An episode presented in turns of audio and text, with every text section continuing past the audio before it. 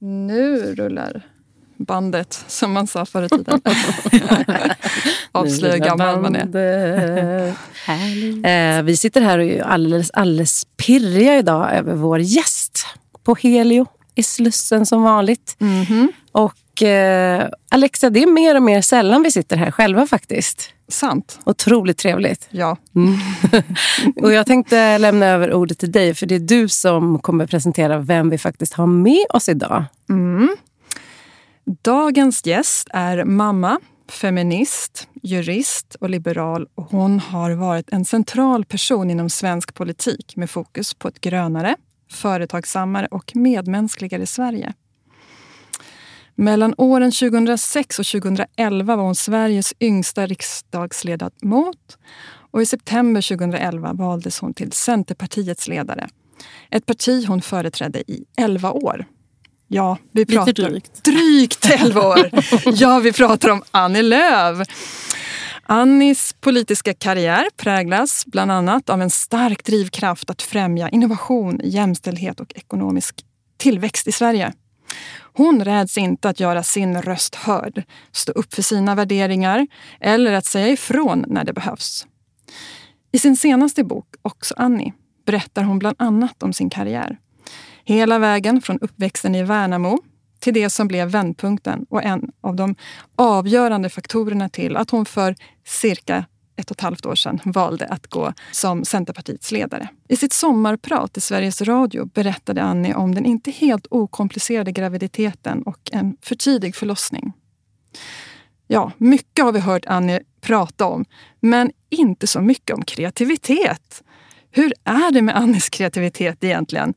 Ja, det är dags att vi dyker in i det ämnet nu tycker jag. Varmt välkommen Annie Lööf. Tack så jättemycket. Vilken presentation. Ja. Kände du igen något? Ja, men en hel del faktiskt. Mm. Nej, men det var sant. Okay. Absolut. Det var sant.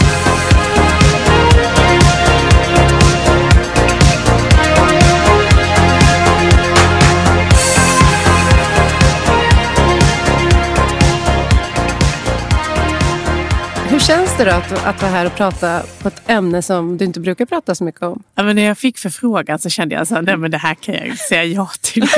Jag, jag är ju inte kreativ. Och sen så kände jag så, men så fick jag liksom en härlig känsla av er. Och eh, så kände jag att nej men, vad är det som säger att jag inte är kreativ? Eh, jag har ju liksom gjort en definition av att eh, jag är inte kreativ för jag gillar inte det här med att pyssla och hålla på hemma. Mm. Eh, jag är ganska strukturerad och inte så cirkelformad. Jag gillar kontroll snarare än impuls. Och, ja, så kände jag att nej men jag är nog inte kreativ. Fast gud vad jag har gjort saker och ja. ser runt hörn och älskar den här som kreativa kulturella sidan av mm. mig när jag väl får chansen. Så att, mm. jo, men jag är nog lite kreativ ändå. An samhällsentreprenöriell. Ja, och jag, Alexia, Alexia jag har ju en teori om att alla människor faktiskt är kreativa ja. på något sätt. Ni har ju rätt. Vi har ju rätt, ja. så vi tror att du är kreativ. och innan vi dyker in i kreativiteten mm. så vill faktiskt jag och Alexia, eftersom vi inte ska prata så mycket om politiken, även om allting hänger ihop, så vill vi tacka dig för en sak. Och det är att du har stått upp mot rasism, att du har hållit kvar mot den värderingen. Och vi vill inte missa att säga det när du är här. Ja, så tack. vi, vi ville säga det till dig in person när du har det här. För det har betytt väldigt mycket för oss mm. att du har stått upp för det. Mm. Vad glad jag blir. Alltså det, mm. är, det är så, jag, blir alltid, jag har alltid så svårt att hantera mm. det här. Men å ena sidan så tycker jag att att stå upp för det man tror på och sin ideologiska riktning, det är ju själva grundvillkoret i anställningsavtalet för en partiledare, mm. kan jag känna. Verkligen. Samtidigt så är det ju en bristvara mm. eh, och har blivit det mm. i svensk politik. Mm. Eh, men jag, jag har alltid strävat efter att kunna se mig själv i spegeln. Mm. Det har liksom varit min drivkraft mm. mycket. Mm. Och att vara lojal med de värderingar och de väljare och de medlemmar som jag har fått möjligheten att representera. Det är vi glada för. Mycket. Men om jag ska fråga dig bara rakt ut, vad, vad är kreativitet för dig? Nej men så här, jag har väl tidigare haft en ganska snäv definition av kreativitet. Eh, men i vuxen ålder så har jag väl vidgat den. Men den snäva definitionen av kreativitet har nog varit liksom, eh, det här, alltså bild, alltså, i skolan man hade bild. Mm. Det konstnärliga. konstnärliga, måla eller en, en poet, eh, skriva böcker. Ja, men var jag väldigt kreativ på det sättet, kulturellt kreativ. Eh, skapa saker. Eh, men kreativ kan man ju också vara i tanken. Eh, och eh, jag är ju en eh, person som eh, gillar att komma på saker. Eh, och utforska nya saker, nyfiken. Mm. Det tror jag är, för mig i vuxen ålder är nog nyfiken en bra definition av att vara kreativ. Och det är jag ju. Ja, exakt. Det är bra. Jag måste komma hem Ja. och få revansch mot mina barn. De säger alltid så här, varför pysslar du aldrig med oss? Nej, men jag är inte så kreativ, säger jag då. Ja. Jag kan göra andra saker. Vi kan spela spel. Vi kan göra annat. Ja. Det är ju också att vara kreativ. Ja, att bara exakt. få på en treåring vantar en, en mörk Ja. februarimorgon kan kräva en hel del kreativitet. Få dem att gå och lägga sig. Ja, gud ja. Mm. Mycket. Mm. Skulle du säga att kreativitet är viktigt för en politiker? Ja, men det är det. Alltså, om man med kreativitet menar just nyfikenhet, lära sig nya saker. Eh, det är inte ett framgångsrecept att vara kreativ med bokföringen eller kreativ med liksom, sina grundvärderingar och sådär. Men eh, om man liksom är nyfiken, eh, gillar att testa nya saker, när man eh, Ja, men som jag gjorde när jag blev näringsminister 2011. Det är ju ganska länge sedan. Men då tog vi fram en innovationsstrategi. Eh, och eh, en nationell sådan där vi skulle liksom lägga kraft och få fler både entreprenörer och fler som har affärsidé och gifta samman med forskning i Sverige. Men som, liksom, jobba med kreativitet, innovation, entreprenörskap. Eh, och det är viktigt som politiker att ha en förståelse för det faktiskt. Verkligen. Håller helt och hållet med. Sverige har ju varit i alla fall, jag vet inte om vi är det längre, ett av världens absolut mest kreativa länder. Och hur har man definierat det då? Jag kan inte den absoluta Nej. definitionen, men jag tror att det handlar om hög grad av digitalisering, hög grad av egenföretagande. Eh, Innovation. Ja, Ja. precis. Utveckling, Ja. teknisk utveckling. Ja. Eh, sen tror jag också att vi har haft en väldigt stor del som alltså musikexport Mm. eh, har spelat in när man pratar om kreativitet. Eh, så den har nog väldigt många olika sidor, det där Mm. ordet. Mm, verkligen. Och du har ju eget företag Mm. nu. Ja. Annie Lööf AB. Annie, det var inte så kreativt. Men det, Jag bara, Sitter vi "Hmm, tre olika heta?" AB här? ja. Men jag tänker att det krävs ju också en del kreativitet bara att driva ett eh, företag. Eh, Ja. I synnerhet om man är eh, den enda anställda i det. Absolut. Nej, men för mig handlar det om att hitta vägar där, jag, där min erfarenhet och min kunskap kan spela roll för andra. Mm. Eh, och i vilka sammanhang man kan synas och vara i. Och som nu på förmiddagen så var jag på Lidingö och hade en, en föreläsning eh, om för chefer inom staten. Och så sa de på slutet, sen hon får komma tillbaka nästa år. Så sa jag, ja men det är inte säkert att jag säger exakt samma sak. Ah. För att, ja, men man, är ju, man håller ju en föreläsning och jag går lite, alltså jag har en struktur, och en powerpoint. Men det är ju inte samma exempel eller saker som jag säger varje gång jag föreläser. Utan det varierar ju beroende på målgrupp och stämningsläge. Och, men sådär. Så att det handlar ju också om, tycker jag, att både vara kreativ såklart, vad jag kan erbjuda och vad jag kan göra. Hit- Hitta de kunderna om man ska säga så. Mm. Men också i själva uppdraget. Att Ja, våga utmana sig själv ibland. Just det. Och du är inne på något viktigt där kopplat till kreativitet. Att det handlar ju inte bara om att uttrycka sig eller att vara nyfiken utan också att lyssna in och känna in utifrån både sin egen, vad man har att bidra med idag men också det man tar in. Oavsett om det är en, en grupp åhörare eller som en artist som vi hade som gäst i förra avsnittet, Johan, familjen. Om att vara lyhörd och, och inkännande och flexibel. Och i Det- kontakt med sin intuition. Precis. Absolut. Liksom. Och det li- har ju legat lite i det politiska uppdraget också. Alltså, grunden för mig tidigare och även nu såklart, men det handlar ju om att sök, få tillit, eh, få förtroende. Och då måste man ju lyssna för att kunna leda. Och man Precis. måste visa, kunna visa empati, ha en social förmåga. Nej, men det här att Ja. kunna eh, få förtroende att representera någon annan.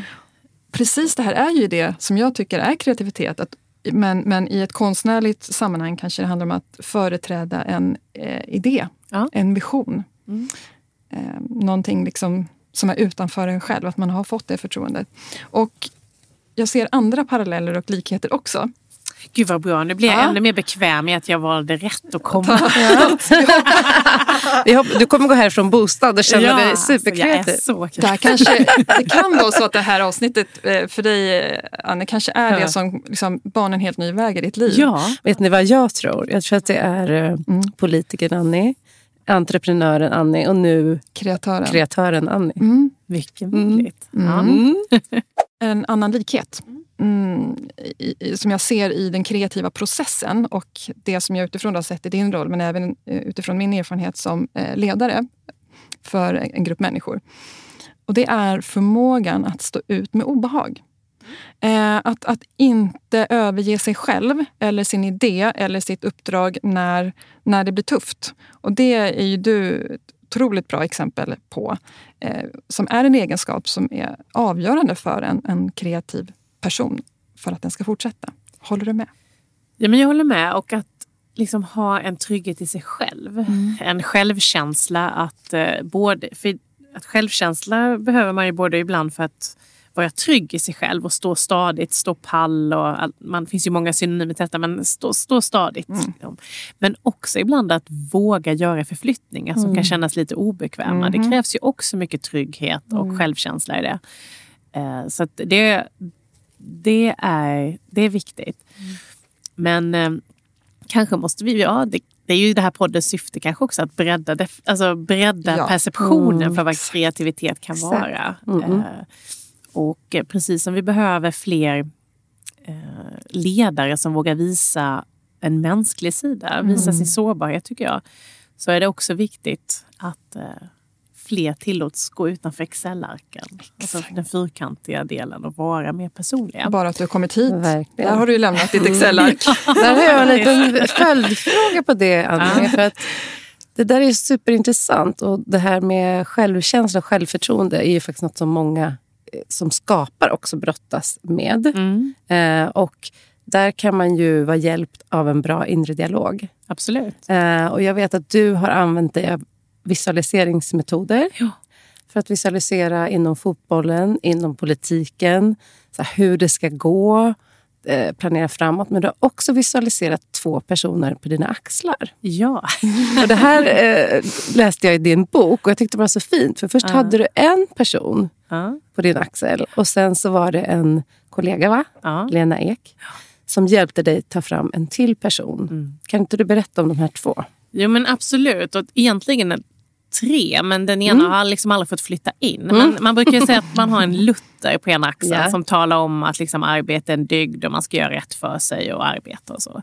Och det har jag nog alltid haft. Det finns där på ena axeln och flåsar ner i örat. Eh, sen finns det ju en figur som heter Jante. Ja. Eh, den har inte riktigt fått flytta in hos mig men det är tyvärr för många som har låtit eh, Jante få plats och som viskar liksom att du ska inte tro att du är någon och eh, du ska ta inte så mycket plats och ja, framhäv inte dig själv och sådär. Ehm, men så fick jag då en eh, svartklädd bask fransyska med stilettklackar. Alltså ser ni henne framför er? Ja. Och jag var då, det här var 2013, i januari ungefär vid den här tidpunkten. Eh, eller i vädermässigt. Jag hade fått åka hem från Thailand. Eh, jag var där på semester över jul eh, med min man. Det var en intern kris hos oss eh, som gjorde att jag behövde komma hem och liksom lugna läget. Och jag var lite nere för räkning, inte internt för där hade jag fortfarande ett väldigt starkt stöd. Men i media och bland kommentatorer så tänkte de att den här presskonferensen som hon nu skulle hålla, hon kommer meddela att hon ska sluta. Eh, Det var nog en hel del som trodde det. Så jag landar på Arlanda eh, och i taxin in, eller i bilen in till presskonferensen så ringer Lena. Och eh, så säger hon, nu måste du släppa sargen Annie. För jag hade under i början av min partiledartid så var jag så rädd för att göra fel. Och höll mig till talepunkter och var ganska fyrkantig. Um, eh, kallades för floskeldrottning och ja, men liksom väldigt så här, mycket det som många kvinnor faktiskt utsätts för har jag Ja. märkt senare också. Men jag hade, hade det och eh, eh, jag kände väl också att jag inte riktigt vågade släppa loss. Jag var ung eh, och eh, ville liksom inte göra fel. Men då sa hon, nu kommer du få en present av mig. Eh, och så förklarade hon den här svartklädda baska fransyskan med röda stilettklackar. Hon sätter sig på din ena axel. Och varje gång du inte säger det som känns rätt i mage och hjärta, då kommer hon trycka in stilettklacken. Och det kommer göra så jävla ont i axeln. Och jag bara okej, ja ja, mm, tänkte jag. Men eh, hon fick ändå flytta in där. Och så kom jag in på den här presskonferensen. För det är det här det intressanta är att då kliver jag in där med den här, det låter ju jättelöjligt när jag berättar det här. Nej, Men jag, älskar. jag har den här personen på ena axeln. Och berättar lite vad skåpet, skåpet ska stå. Eh, tar liksom ingen skit på det sättet. Utan jag svarar rakt på frågorna, berättar hit ska vi och det här kommer vi lägga fram och, och sådär. Ja, men väldigt tydlig. Och det är ingen, ingen vet ju om den här svartklädda fransyskan. Men ganska snabbt efter det så säger ju i media eh, kommentatorer, ja, liksom, nu minsann. Nu liksom visar de, det här var nog en vändpunkt för Annie. Och i Aftonbladet så eh, bildsätter de detta med ett bildmontage med en cowboyhatt och pickadoller så står det Annie get your gun. Liksom. Eh, Men jag säger fortfarande ingenting om den här fransyskan. Och sen när jag slutade då för ett år sedan så är det ett antal kommentatorer oberoende av varandra som faktiskt säger att Ja, men det var runt den här presskonferensen, då vände det för Annie. Då blev hon mer personlig eh, och hon släppte fram liksom, ja, men sig själv. Släppte talepunkterna och det var ju i samband med det sen som opinionen och förtroendesiffror och annat ökade.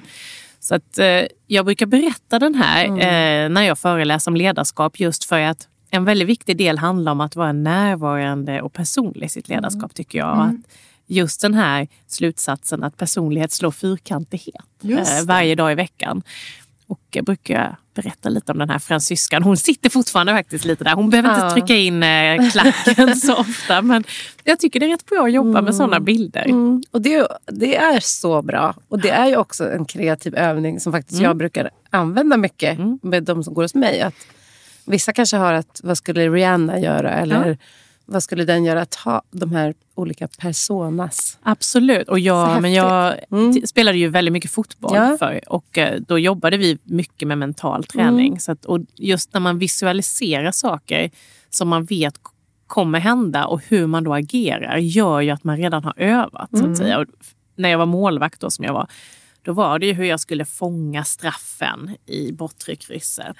Och i partiledardebatter, liksom i början av min partiledartid, så visualiserade jag ju vissa debatter som jag önskade skulle bli och hur jag skulle agera. Sen var det ju inte säkert att det blev av. It takes liksom two to tango. Men, eh, men jag liksom visualiserade de delarna. Eller när, om man skulle få vinna på valnatten, hur skulle liksom det manifesteras för att motivera sig också Det är så i kraft- tuffa stunder. Det är så otroligt kraftfullt verktyg. Mm. Och hjärnan har ju väldigt lätt att tolka bilder och Mm. det visuella. Jag har ju också haft en sån eh, figur, ingen fransyska dock. På min axel när jag jobbade som vd för reklambyrå. Det var en eh, småländska. Oh. När jag hade, det var under en period Värnamo. Från Värnamo faktiskt. jo. Eh, när jag vissa dagar sa nej, orkar jag en dag till? Eh, vi genomgick en jättestor förändringsprocess med mycket interna konflikter, mycket upprörda känslor. Och ägaren hade krävt liksom, den här förändringen och det var mitt uppdrag att eh, genomföra den. Och då, då var det vissa dagar så här, hmm, vad skulle Annie ha gjort? Nej men gud, Åh, vad fint! Och det, det, det hjälpte mig. Då, tänkte, ja, då tar man på sig sig kavaj, sträcker på sig och gör sitt jobb. Jag behöver, Wow. och det är okej att jag är sårbar, också apropå den här sårbarheten. För det, Mm, fint. ja, vikten av både visualiseringar och eh, förebilder. Det kan ju vara verkliga personer eller påhittade. Men vilken boost ni ger mig här Ja, inne ja. Nej men vilket fint eh, betyg, tack! Mm, tack själv. Det, det stärkte verkligen och jag vill rekommendera alla eh, att skaffa sig en, vad det än är. ha en sån inre peppröst också. Ibland behöver man ju det. Jag har ju några motton också som jag, för, för det är inga bilder utan det är mer motton som jag en del har jag alltid haft som så här pepp, såna här superfloskler som ingenting är omöjligt. Och, ja, mm. Men också några motton som jag har lärt mig efterhand. Att man klarar så mycket mer än vad man tror. Mm. Och det är viktigt att komma ihåg när det är som tuffast. Mm. Att jag har faktiskt gått igenom tuffa perioder innan. Det, det var jobbigt. Mm. Men när man är ur det så har man faktiskt lärt sig en hel del. I bästa fall. I bästa fall, ja. Eh, och att man liksom ändå peppa sig själv. Man mm. behöver liksom inte skrika ut det till hela världen. Men man kan peppa sig själv. Att, ja, men det är tufft nu, men lite till. Nu gör jag det här. Mm. Och så får man landa sen och ha ja. återhämtning. Och se att man faktiskt kan klara av... Eh, jag vet, jag vet inte om det är Brené Brown eller vem det är som säger så här... You can do hard things. Mm. Liksom. We can do hard things. Mm. Att se att jag kan klara av svåra saker. Ja. Det funkar. Ja, mm. men det, det, går. Men mm. det är, man kan liksom inte mata på det. Nej. Utan man behöver den här tiden av återhämtning eller ja, mjuka saker också emellanåt. Mm. Finns det några sammanhang eller något sammanhang där du känner att det har varit svårt att göra din röst hörd eller våga tala ut? Eller har du alltid kunnat göra det? Oj, vad, den här frågan har jag faktiskt aldrig fått innan. Uh, Nej, i vuxen ålder har jag nog alltid känt, eller i vux, från högstadiet och framåt har jag nog alltid känt mig ganska grundad i att eh, ta plats och synas. Men det skiftade där i nian, ettan på gymnasiet. För att innan dess var jag en ganska blyg viol mm -hmm. eh, som tyckte det var jobbigt med presentation i klassen. Och som eh, Visserligen var jag sån här satt i elevråd och gjorde det klassiska, var kamratstödjare och sånt där. Men jag tyckte det var jättejobbigt att stå framför människor och prata. Mm. Men sen lärde jag mig allt mer. Alltså jag utmanade mig själv där. Jag blev, tog plats i fotbollslaget, tog plats i klassen. Ja, men jag har nog alltid upplevt att jag faktiskt kan eh, säga min röst. Mm. Jag, är liksom lite, jag är inte så konflikträdd. Nej, Nej. det är en eh, fördel. Eh, och det är ju, ja, det, en fördel är ju att man vågar säga sin mm. sak. Det ja. gäller ju också att känna av de andra som är i rummet så att man inte tar för mycket plats. Ja. Mm. mm.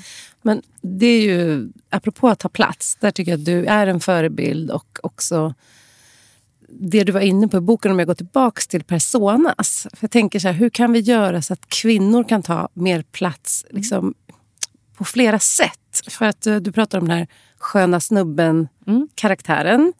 Som, om inte alla vet vem det är, det är att att män generellt har lättare att gå in och vara den här sköna snubben, släntra in på ett möte, kanske inte helt förberedd. Och, ändå grejer det. Och ändå mm. grejer det och vara accepterad. Och det här ser man ju även i den kreativa, om vi, om vi tänker i kulturvärlden mm. då. Mm. Eh, jag håller på med musik, så tänker jag så här, en äldre man som kanske har lite alkoholproblem, är lite sliten. Han blir hyllad. Eh, en kvinna som, gör, ja, mm. en kvinna som gör samma sak blir dömd mm. och är mycket mer under lupp. Alltså, hur, hur kan vi komma till rätta med det här? För det här tänkas, det smalnar av kvinnornas utrymme. Jättemycket eh, smalnar det av det. Och, mm. nej, men jag tror att vi måste vara många som går före och visar mm. att det är okej. Okay. Alltså, men det var ju, jag ska säga, det var jättefrustrerande ibland när, nu gillar jag ju Johan Persson då, eh, Liberalernas partiledare, väldigt mycket på ett personligt plan. Men då, han, han ses ju ofta som sköna snubben. Mm. Eh, han kom dit, han var liksom killen vid grillen. Så här, hans förberedelse inför en partiledardebatt, nej men jag har grillat lite korv och familjen och sådär, oljat eh, altangolven och alla bara, åh vad du är duktig. Mm. Och så kommer man själv då bara, ja, får man ofta frågan, vad har du gjort innan den här partiledardebatten? Man bara, okej okay, jag har vikt tvätt, jag har lagat mat, jag har liksom förberett veckan som kommer och nu är jag här och ska ha en partiledardebatt. Ja. Nej, men, eh, oh, eh, nej men jag, ibland, man, ja, man bedöms på lite olika mm. sätt helt enkelt. Mm. Eh, och eh, jag tror faktiskt inte att den här sköna snubben, eh, den finns liksom inte riktigt för kvinnor oavsett bransch. Eh, och vi kanske inte ska aspirera på den heller. Vi ska ju liksom stå där i vår kompetens. Ja. Men ibland så känner jag att vi behöver, det behöver vara lite mer tillåtande. Mm. Vi ska inte vara skämmas för vår ambition. Nej, liksom. Men det ska inte. väl också vara okej att ibland då få vara sköna jag tycker det är så bra nu när fler mm. också vågar berätta om sin, till exempel sin psykiska ohälsa. Mm. Eh, eller hur, eh, hur, eh, hur tufft det kan vara på jobbet emellanåt. Mm. Eller att man kan få berätta om sin hobby, även om man är en känd yrkesperson. Alltså det här att man får he, lite mer av en person. Eh, och eh, förhoppningsvis någon gång i framtiden så kanske det är lite mer jämnt. Men idag skiljer det väldigt mycket hur man ser på män och kvinnor i offentligheten. Men känner du att det har gått framåt? Upplever du att det har gått framåt under dina år, år som ledare? Att det har blivit mer tillåtande eller står det still? Både och. Alltså representativiteten har ju blivit bättre, Mm. måste jag säga. Det, när jag blev partiledare var ju jag i de flesta debatter enda kvinnan. Eh, och eh, i Bryssel var jag enda in, industriministern eh, som var kvinna. och så där. Så det har ju blivit fler kvinnor på ledande positioner. Ja. Men alltså själva hur man ser på oss och det allmänna tonläget i samhället har ju blivit mer sexistiskt, mer... Eh, hatiskt är för hårt ord, men ibland hatiskt Ibland mot, mot kvinnor. mot kvinnor. Eh, och eh, det tycker jag har ändrats rätt radikalt. Helt plötsligt är det okej. Vi ser nu hur, det kom ju ungdomsbarometer här för ett tag sedan eh, där man Ah. mäter då den unga generationen och då ser man ju att värderingar kring både demokrati men också feminism och eh, till exempel går ju ner bland unga killar. Och det riskerar ju då bli ett bakslag. Eh, för det som vi ändå har upplevt de senaste decennierna har gått framåt. Fler kallar sig för feminister, fler tycker jämställdhet är viktigt. Ja. Fler pappor tar ut pappaledighet från en låg nivå. Men all- allt det här som ändå har gått framåt. Vad händer i framtiden när man ser de här värderingsförskjutningarna åt det mer ja, negativa hållet? När man hör de här strömningarna och sen tittar jag på min 20-åring som, har- som ligger så långt i framkant eh, med liksom, såna här jämställdhetsvärderingar och allt mot vad jag gjorde i den åldern. Då får jag liksom inte ihop det. Nej. Nu förstår jag. Vi bor så söder om Söder i Stockholm. Det, han har gått på skola på Södermalm. Jag förstår att det är också så var man växer upp. Men det är ändå som att jag, så här, jag ser någonting annat hemma hos mig. Ja, och jag ska säga när den här ungdomsbarometern kom förra veckan, då var jag i Åmål också. Och träffade 500, det var en fullsatt aula där jag var där för att prata demokrati och värderingar. Det var en fantastisk dag. Så det var ju 500, nu drar jag alla över en kam, men jag upplevde dem som väldigt positiva Ja. och glada och framåt. Och så här, så att, alltså, mätningar är en sak, men det är ändå vissa tendenser som man ska liksom fånga och då är det viktigt att vi fortsätter. Jag var ju där för att just ingjuta behovet av att stå upp för mänskliga rättigheter, demokrati, utveckling, framåtanda, möjligheter. Ja men verkligen. Och det tycker jag också eh, om man kopplar ihop det till eh, kreativitet och skapande där eh, våran gemensamma bekant Annie Caroline Engvall som är författare som ju har gett ut ett antal böcker för barn i mellanstadieåldern ungefär som handlar just om att Ja, men saker som händer på nätet och att våga säga ifrån. Vad är, är okej och inte okej? Att, att där har ju kreativiteten använts som en, en, en röst i, Ja, men det- blir ett verktyg att prata om tuffa frågor. Min, eh, min äldsta dotter är åtta år. De Ja, har läst de böckerna i skolan och så har de eh, samtal om detta. Och eh, det blir ett sätt att närma sig svåra frågor genom boken. Och genom den fiktiva berättelsen så kan man avdramatisera jobbiga saker ibland. Eller sätta ljuset på vissa jobbiga saker för att förstå vad man ska göra och inte. Så att absolut kan man ju använda eh, det kreativa i det jobbiga. Så att, säga, Verkligen. att nå fram. Hittar du på berättelser för dina barn eller håller du dig till böcker som är skrivna? Åh, det här är så jobbigt. Vet du vad mina Lys- barn... Lyssnar de på det här? Eller? Ja, nej. nej, men vi läser ju böcker. Det gör vi. Ja, jag Men värderar inget. Jag bara... ibland orkar man ju liksom inte läsa. Nu, nu visar jag. Och då kan jag, då kan jag säga så här. Idag så släcker vi lampan så kan jag berätta en berättelse. Man får vara sköna snubben. Ja, och de bara, nej mamma! För det är typ så här, ja, det var en gång en tjej som hette Saga. Saga var fyra år, hon hade blont hår och gillade att äta bananer. Nej men typ så här. Och de bara, nej men sluta. Så de tycker nog jag är mest pinsam. Så att helst vill de att jag läser böcker. Okej, så för deras skull så gör du det. Men ibland så gör jag det, men det blir inte så uppskattat. Nej, nej okej. Det är en av mina svagheter, att vara påhittig på det sättet. Ja. Ehm, ja, kanske. Jag, jag vet inte om du eh, har rätt där, Annie. Jag kommer komma ut som en helt ny människa. Ja. jag, jag säger så för att eh, jag, jag tänker också så här att eh, om du skulle ges eh, rätt verktyg, jag kan snart konkretisera vad jag menar med det, så skulle du vara det. Eh, jag som till exempel håller på med improvisationsteater, eh, där jobbar vi ju mycket med tekniker. Och det handlar ju om att lyssna på idéer, impulser som kommer inifrån. Att lyssna på medspelarens idéer och bejaka. Mm. Och när man har lärt de teknikerna, då kommer ju kreativiteten fram och ut. Så att jag är absolut övertygad om att potentialen finns. Ja, jag med. Absolut. Jag hoppas att du säger till dina barn att du är med i en podd om kreativitet idag. Ja, alltså, min äh, Eh, äldsta då, Ester, hon är ju på riktigt kreativ på alla sådana här sätt man kan tänka sig. Hon är, Mm. ja, hon är vass, hon bryr sig inte på mig. Men barn är så otroligt bra förebilder där. Att ge sig ut i det fria skapandet just för att de Ja, inte riktigt man, värderar jag får ju inte återvinna någonting. Vi får liksom Ja, bygga det där, ja. Toarullar toa- och eh, mjölkpaket. allting. Och Så här, vad önskar du dig julklapp? En limpistol. Mm. Ja, det där. Så ska det förvaras någonstans också. Men apropå använda kreativitet då, som Alexia var inne på lite för att förändra och så har ju faktiskt du skrivit en bok, också Annie. Ja. Och jag hörde i en annan podd att den har varit eh, terapeutisk för dig att skriva. Men det har den för Mm. att eh, jag var ju riksdagsledamot i över 16 år. Började som 23-åring. Jag har liksom blivit vuxen i offentligheten och efter fem år blev jag partiledare och minister. Och det finns ju ganska lite tid för reflektion.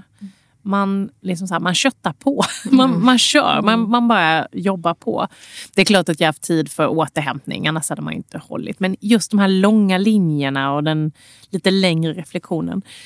Så att när jag för ungefär ett år sedan då började skriva på boken så eh, dels läste jag mina anteckningsböcker. Mina dagboksanteckningar bland annat. Det är referat från olika möten och sånt. Då började jag liksom se ett mönster och förstå att ja, men, jag mådde kanske lite sämre än vad jag kom ihåg. Eller jag mådde ju faktiskt bättre än vad jag kom ihåg. Och sådär. Man, för minnet sviker ju en ibland. Så boken är ju baserad på mina anteckningsböcker. Även om jag minns något annat så är det det som står där är faktiskt det som hände där och då. Ja. Och när jag gick igenom dem och när jag sen också valde ut då, tillsammans med min medförfattare vad vi skulle ha med så blev det ju en bearbetning. Jag satt hemma och skrev alldeles för långt, tror jag Caroline Bankler, min medförfattare, tyckte. För varje fredag skickade jag ju över textpartiet till henne. Och hon skulle precis ta helg och bara wow. Ja, hon bara, eh, nej, men och så tittade hon på det och så återkom hon så här. Nej, men så det, var, det var en skrivprocess som blev terapeutisk för jag skrev av mig. Sen har hon ju hjälpt mig att göra den läsbar. Alltså förfinat, eh, föreslagit strykningar eller att jag ska utveckla saker mer personligt. Så att eh, det var otroligt bra process för mig där och då. Eh, sen på ett sätt så är jag ju mer framåt än bakåt. Så att skriva bok var igen, det var inte en klockren process för mig personlighetsmässigt. För jag vill ju hela tiden framåt. Och så när man sitter där så går man igenom vad som hände för 12 år sedan. Så bara, ja, ja. Liksom. Så att det, var ett, det var lite tufft att motivera mig vissa veckor faktiskt. Att, eh, att skriva. För att det var ju redan förbi kände jag. Du har gått vidare. Ja. tror både jag och Alexa känner igen oss. Men, precis, men ibland kan det vara bra att gå bak för man blir lite mer hel. Eller jag kan uppleva, jag är också väldigt framåtlutad. Jag tror du är det också.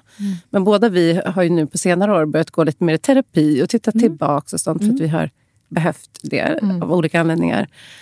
Och jag kan uppleva att det är som att gamla delar av mig liksom kommer ikapp. Och att jag på det sättet blir lite mer grundad. Även om mycket roligare att springa framåt. Absolut. Nej, men jag har nog lärt mig lite mer att ta med mig det som jag har lärt mig framåt. Precis. Och att eh, det är ju där jag hittade det här att man är så mycket starkare än vad man tror.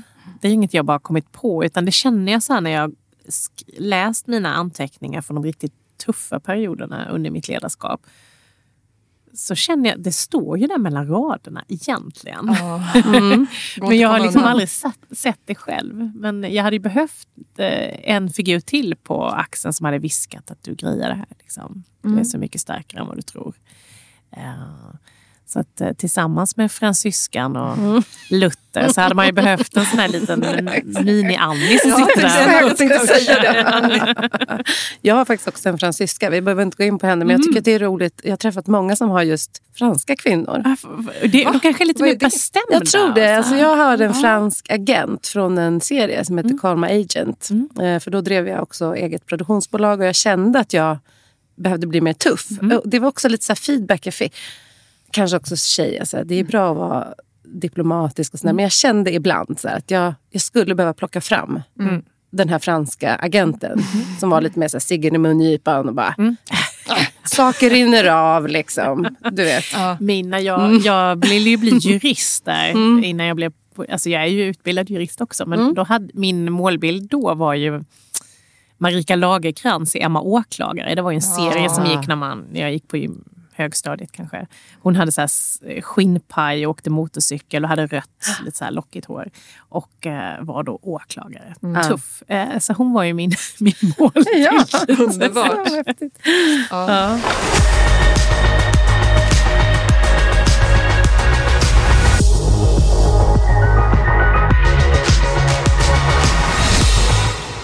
Annie, finns det något i ditt liv som du både kan och vill ändra på, men du gör det inte?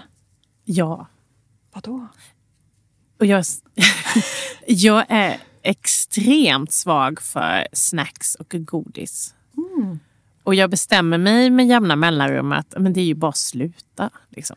Alltså vad håller du på med? Alltså bestäm dig och så kör du. För det gör jag ju på allt annat. Jag, jag sover sju timmar, jag tränar tre gånger i veckan. Allt det jag liksom skriver ner gör jag.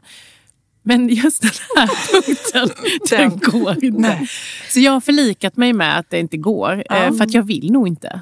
För hade jag verkligen velat, då hade jag ju gjort det. Så att det ligger nog någon liten här inne i mig att jag bara säger att jag vill det. Just det, för att du vet tänkt. att det borde vara något du skulle, du borde vilja Ja. kanske. Och sen inser man att nej, men det är faktiskt rätt gott.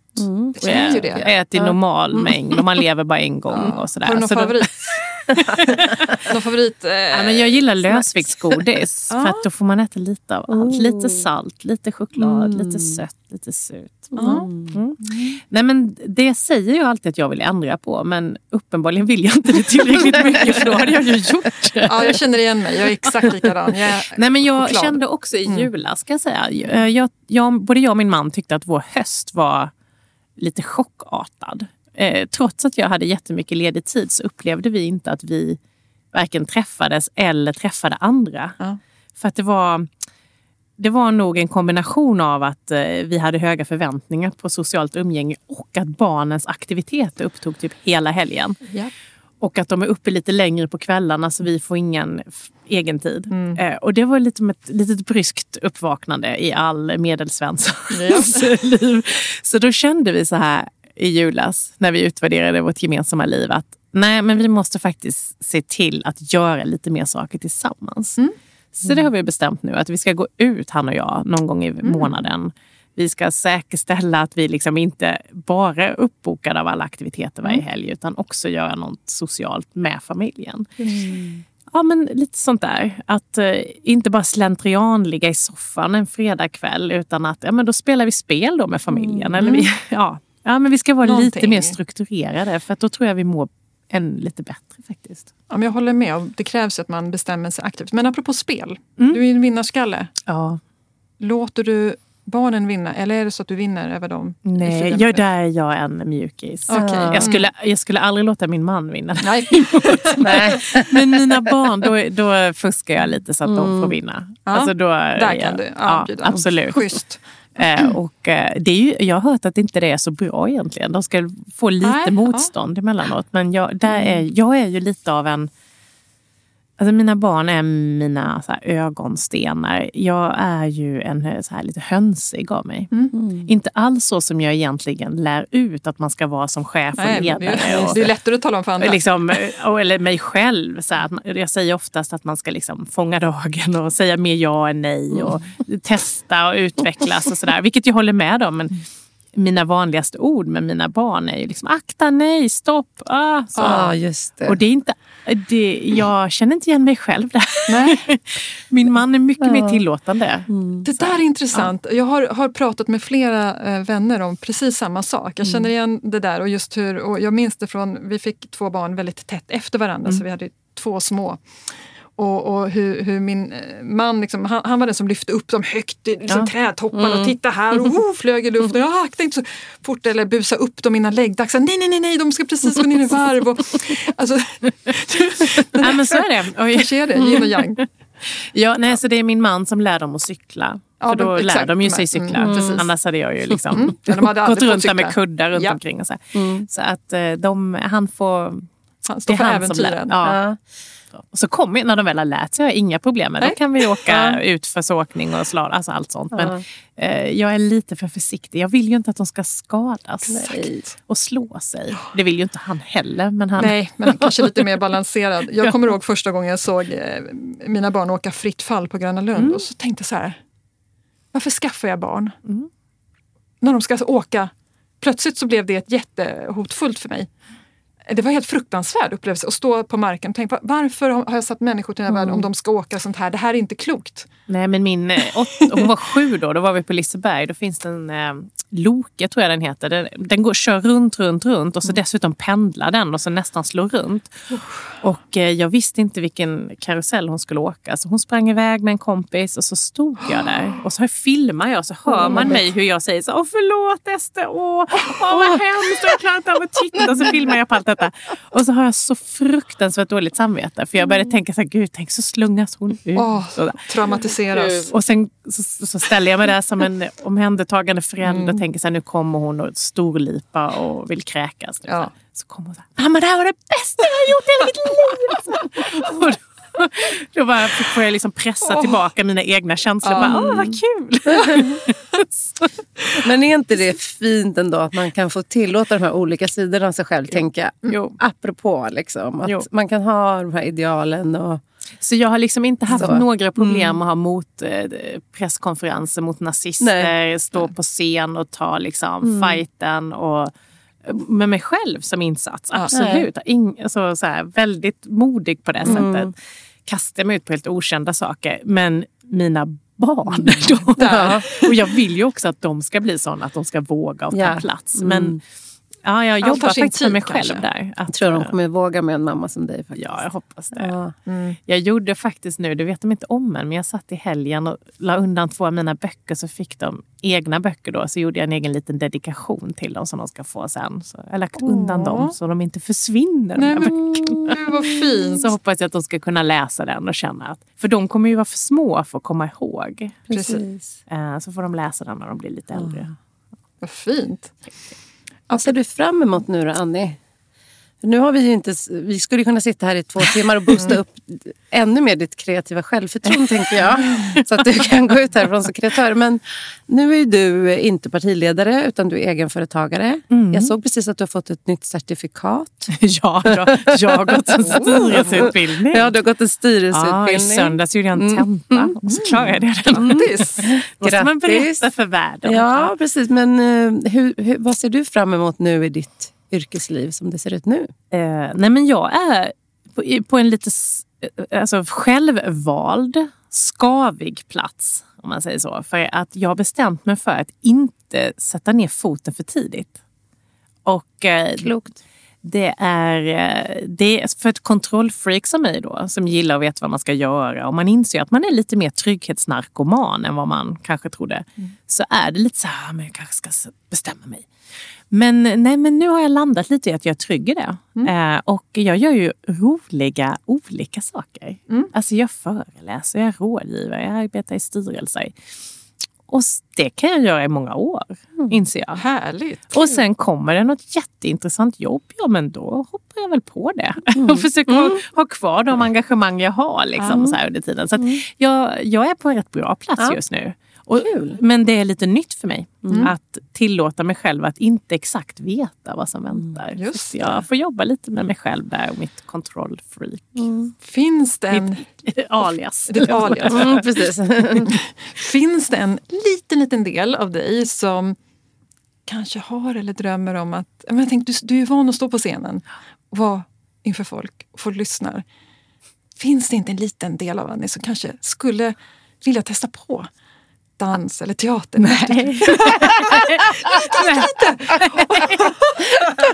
Försöker du locka in Annie på impro nu? Nej, men, alltså, är det någonting som jag känner att en längtan till just nu så är det lite mer under radarn. Ja. Eh, faktiskt. alltså, jag har ju hela mitt vuxna liv varit offentlig och stått på scen, Ja. eller olika scener. Ja. Nej, jag, jag, nej, jag är inte riktigt det behovet. Men om vi går till, till, till liksom in, inåt då, och kanske inte står på scen. Ja. Och, och apropå bokskrivande Mm. och blicka framåt. Mm. Kommer vi kanske läsa en, en, en roman av Annie? Om, om, om liksom en mer framåtblickande... Ja, men jag stänger inte dörren. Mm. Men jag har inte öppnat den heller, ska jag säga. Mm. Nej, men jag, jag vet ju inte. Och det är Nej. det som är lite härligt. Att jag inte ska sätta ner någon fot, varken nej, nej. eller ja. Utan ha det lite öppet. Men jag tror att jag snarare kommer få ut min kreativitet genom att eh, eh, jobba med liksom så här, ledarskap, kommunikation, samhällsförändring. Liksom, det är där som jag Ja. har mitt eh, Ja, brinn på något sätt. Eh, så där kommer så att vara. viktigt. Ja, det tror jag. Det- Men det är viktigt för att orka i längden att göra det som känns Både det som man kan såklart, men det som ligger lite utanför det man kan. Så man hela tiden stretchar sin bekvämlighetszon. Där gillar jag att vara. Liksom. Lite strax utanför det bekväma. Ja, strax. Jag har en, en, en, eh, en, en fördom kanske, Mm. men, men som jag tycker är väldigt rolig. Fördomar är ju ofta ganska, inte alla, men vissa kan vara Fördomar. roliga. Mm, ja, exakt. Nej, men, eh, och det är att när jag träffar personer som är, eller beskriver sig som mer fyrkantiga, eh, men ofta kanske inom yrken som jurister och där det är liksom rätt eller fel. Så. Jag upplever ofta i möten med sådana människor att det kan vara de roligaste människorna för de håller så mycket inom sig. Och jag blir så triggad av det på, ett- på ett positivt sätt. För att det krävs en del att hålla allt inom sig också och hålla schack. Ja. eh, Så. Ja, jag förstår vad du. Du, du förstår vad jag menar? Ja, absolut. Jo, men så är det. Och, och, och, men det kanske också ligger lite i betraktarens ögon hur man ser på till exempel politiker eller Ja, jurister och sånt. exakt. För att, eh, jag var med i en, ja, men det heter någon sån här skratta sist, eller någon, någon sån här Youtube-grej. Och så säger, så, säger- för några år sedan. Och, så, och jag bara, ja, det kan väl vara Ja. mig. Och så säger de massa sjuka skämt. Och så får man ju inte skratta. Åh, vad roligt! Det här skulle jag... Ja, och sen så ska, man, ska jag säga sju, roliga skämt också. Så, ja, det är en sån tävling. gud, eh, och då, det var ju fler än vad jag ens tänkte som tittade på detta. Så jag, det var ju människor som stannade Oj. på gatan och bara “Men gud, du var ju jätterolig!” Jag bara “Jaha, tack, tack”. Nej, men det är ju för Ja, att man har en bild av att jag inte alls är, har humor. I de lugnaste vatten. Det är där. det, det är så Ja. sant. Ja, nej, men så att vi, och sen har man ju ofta, man ser ju mig i en roll. Eller Så så, det. I min funktion Precis. som politiker. Då är, ska man ju vara seriös. Så, men eh, ja, det finns ju en personlighet bakom. Det gör ju det. Hur skulle du beskriva din humor? Om du skulle kunna beskriva den. Vad skrattar du åt? Ja, men, alltså, rätt dåliga skämt, så här pappaskämt och sånt. Ja. Jobbigt. Ja. Jag är ganska enkel i min... Alltså, Sveriges roligaste person tycker jag är Johan Glans. Mm. Men han är ju fantastisk. Jag tycker Ja. han är helt, eh, ja, fan, ja, helt fantastisk. faktiskt. eh, och ha- det är för att han, han driver med så här vardagliga ting Som, bara, som alla på något sätt kan känna igen sig i. När han berättar om sina barn som pratar stockholmska. Ja, För mina barn pratar stockholmska då. och, och så, de mobbar ju mig hemma och min man. Och vi pratar ju likadant, jag och Kalle. alltså, ja. Eh, Så här, Mamma, kan du säga vad månaden efter februari heter? Ja, vad roligt. Eller vad, Gud, vad vad dagen efter onsdag heter. Mamma? Korv. Korv. Jag bara kov. Kov. Kov. Så att, äh, men, han, är, han är rolig. Ja. Ja. Har ni några så här pappaskämt, eh, dad jokes, som ni har drar där hemma eller? Äh, Ja, men jag är, här kommer ju min svaghet i livet. Jag är så sjukt dålig på att komma ihåg dem. Fast jag är likadan. Mm, jag med. Kommer aldrig ihåg något. Nej, men jag skrattar ju i stunden. Men Jag är jättedålig på att komma ihåg skämt. Men min lilla syster, jag har två. Min yngsta syster, hon, ah, hon är så sjukt rolig. Det finns ju så många konton på Instagram. Så hela min DM från henne är fylld med så länkar på olika roliga, Roliga, filmer. ja. Och då skrattar man ju åt sånt som kanske inte är så PK. För det är Ja. ju såna här typ Sveriges roligaste barn eller Ja, Sveriges Ja, de roligaste video. ja. Såna som. Så länge man inte skadar sig tycker jag det Nej, är okej. Men det är, ja, med. det är många roliga. Jag tycker du inte det är roligt när människor skadar sig? Eh, Jo, men jag tycker ju det Jag ibland. tycker det är men det är ju så jobbigt Ja, att jag kan titta inte se. på ibland. När barn skadar Nej, sig inte barn. Men vuxna som gör idiotiska saker. Så, Typ när de, eh, det finns ju en nu. Hon kvinnan som fastnar i fönstret. Nej, den är över. Men den här, du vet när de kommer in på något spa och så går den så här Just snyggt och sen bara halkar. Ja. Eller de här som springer ut på Mm. en brygga och så ja, ramlar de och slår sig. Det kan vara Ja. så enkelt ibland. ja, Edvard af Men- Sillén, han har ett Instagramkonto. Han är ju så rolig. Han började ju under pandemin, tror jag, för att han li- ville liva upp folket lite och bara la ut klipp på folk som ramlar och slår sig. Han gjorde ju det på Twitter också. Ja. Norlex. Och jag skrattade ju högt flera gånger för då, då, han var den enda som var rolig i mitt Twitterflöde. Alla andra var ju så här, det var ju så här sopink av Ja. olika idioter. Ja. Mm. Och, då, eh, och sen var det polit, politik. Liksom. Eh, och sen var det Edvard som la Underbart. Ja, men det är kul Det kan jag att skratta åt. höra att du får skratta mycket också Ja, och eh, att det balanserar upp då mot de här andra. Absolut. Jag har ett härligt glatt Mm. flöde också. Du har någonstans sagt, jag tror att det var i din eh, senaste bok, att det är lättare att förklara detaljerna i det internationella klimatarbetet än att presentera en favoritlåt. Ja, det är det faktiskt. Och vi frågade dig eh, om du skulle kunna ta med dig en låt. ja, och jag kom hit med ett helt smörgåsbord. ja. Det är ju det är lite som det här med humor som vi pratade om innan. Att, att jag vet ju vad jag gillar och jag vet vad jag skrattar till då, vad gäller humor. Men det är väldigt svårt att komma på vad det är när man ska liksom presentera just en låt. Ja. Eh, Och som polit, nu kan jag ju välja vilken låt som helst egentligen, men när jag var politiker så behövde man tänka igenom, så här, har den här artisten sagt något dumt? Har jag lyssnat igenom hela texten så det liksom inte är någonting som får en negativ klang? Ehm, ja. Det var så många delar att väga in och då blev ju musikvalen ganska trista faktiskt. man hade en låt så körde man på den. Precis. Eh, men Tryggt. när jag var med i Sommar i P1, eh, så var det, eh, när de ringde mig och frågade för, då, för ungefär ett år sedan, förra vintern, så var min största skräck att sätta ihop låtlistan. Ja. Eh, inte, inte att berätta vad jag skulle berätta. För jag bara kände så här, gud, för den kommer ju bli nagelfaren och skärskådad och analy- sönderanalyserad. Och sen, så, hur ska jag göra? Och så, då hade jag en fantastisk producent i Henrik eh, Jonsson som men sa så här, men det är faktiskt bara du och din, det här är ditt program. Eh, så här. Och eh, så sa jag, nej men jag vill lyfta kvinnor, svenska kvinnor. liksom. Eh, och så vill jag ha bra musik. Han bara, ja vad är bra musik? nej, men så, och då berättade jag för honom ungefär vilka artister jag lyssnar på. Mm, och sen så skickade han liksom över till mig ett antal låtar varje vecka eh, som samma inspiration och så började jag lyssna vidare på de albumen och sen sparade jag ju ner så jag hade kanske så här 60 stycken låtar sen som jag verkligen tyckte var riktigt bra. Och så valde vi då ut tio sen tillsammans. Eller jag valde ut dem och så liksom gick vi igenom, så här, funkar de här PK-mässigt? Ja, och sådär. det. Eh, ja, nej, men det blev bra. Du fick ihop några. Ja. Ja.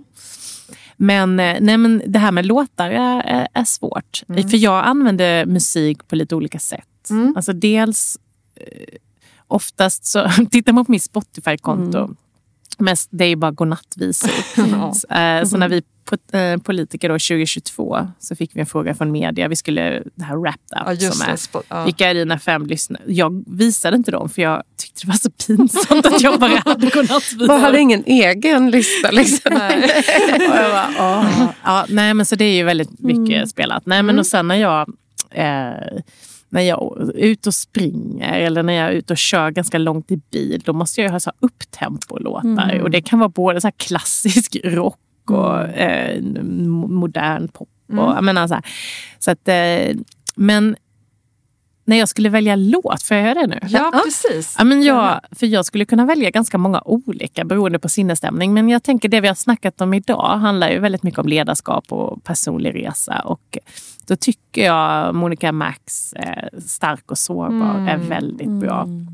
Eh, Jag hade också den i mitt sommarprat. Eh, för den säger så mycket att man kan vara, som hon sjunger, liksom bara, man borde vara stark och sårbar och alldeles underbar. Eh, Att man vågar visa båda de sidorna. Mm. Och till och med oslagbar. Och Ja. oslagbar till och med också. Ja. Men det är, eh, nu valde jag kanske, man, jag väljer ju liksom inte bara för att det hon säger klockrent där, Mm. utan också för att nej men det där är en låt som jag skulle kunna gå hemma när jag lagar mat en kväll. Mm. Liksom lyssna på hemma och så sjunga med lite ibland. Ska vi lyssna på den? Ja. Vi älskar ju Monica Mac i den här podden. Mm. Hon har spelats av oss förut. Ja, hon har eh, spelats av oss och vi har också en av hennes andra låtar som lite vårt tema ibland. Som vi peppar igång. Mm. Wow. Den heter 80s. Men Mm. det är inte den vi ska lyssna på nu. Utan nu ska vi lyssna på Stark och sårbar. Den har jag hört dig, Anna, sjunga. Också. ja, men hennes röst liksom. Monica Zetterlund. Verkligen. Jag har alla fina dagar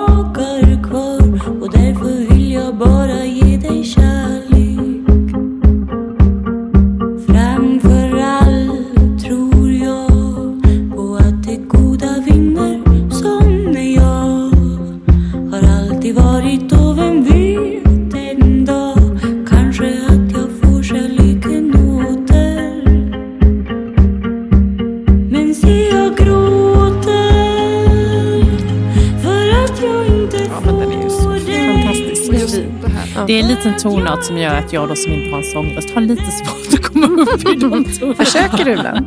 Ah, nej, nja, nej. Duschen? Jag hinner inte komma dit för Ester då, åtta år, hon bara “mamma, shh”. Nej. Jag tycker, jag tycker inte dina, dina barn stöttar inte dig i det här pysslet och sången. Nej, Jag tycker det är- Men det är nog åldern. De ska, de, Jag vet. De ska vara, De ska lite vara såna. så. Ja, Ja. Ja, men det, De ger mig mycket kramar också. Ja. ja. Och sen Men- kommer de tillbaka och är den största fans. Absolut. Men Annie, är det någon sista sak som du hade önskat att vi hade frågat dig eller som du tycker vi har glömt ta upp på temat kreativitet idag? Nej men gud, jag känner mig som en helt ny person när jag kom ut.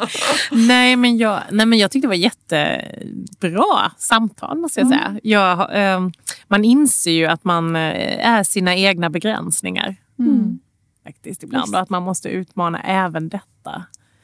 Eh, och jag har väl alltid tänkt sådär att, nej men, att jag inte är så praktisk och därmed inte så kreativ. Just det. Eh, Men jag är ju kreativ i tanke och i liksom gärning på det sättet. Exakt. Så, Verkligen. Så det får jag tacka för att ni har bjudit mig Ja. in i den tankebanorna. Ja, Tack för att du eh, ville komma hit. Det har gjort oss så glada. Verkligen. Mm. Stort, stort tack. Tack för möjligheten och för fina ord. Ja, ja, men tack, det har varit så kul att prata med dig. Och så passar vi på att tacka er som har lyssnat på det här avsnittet. Och eh, om man vill hänga med på din resa då, Annie, och följa dig, vart tar man vägen då? Ja, men jag är väl mest eh, uppdaterad på Instagram faktiskt. Jag finns ju på de flesta sådana här kanaler men där gillar jag att vara mest. Jag har mycket värme och kärlek där tycker Ja, jag. håller med. Ja. Så på Instagram, och då heter du Annie, Annie Loof tror jag. Annie Loof. Jag tror det. Eller något bindestreck. Ja, Nej, men ni ser det. Det är en sån här blå markering. Det är jag. Ja, det, det är- finns säkert massa andra konton Mm, också. Den med blå markering är den riktiga Annie. Och vi finns på Fågel och Ram på Instagram. Precis. Eh. Dela gärna. Ja. Följ oss gärna och om ni gillar podden, eh, tipsa andra om den och om ni inte gillar den så tipsa era ovänner om den. Mm, för då kommer de börja gilla den. Ja, Precis. Exakt. Tack för idag! Ja, tack för idag. Tack så mycket. Hej då.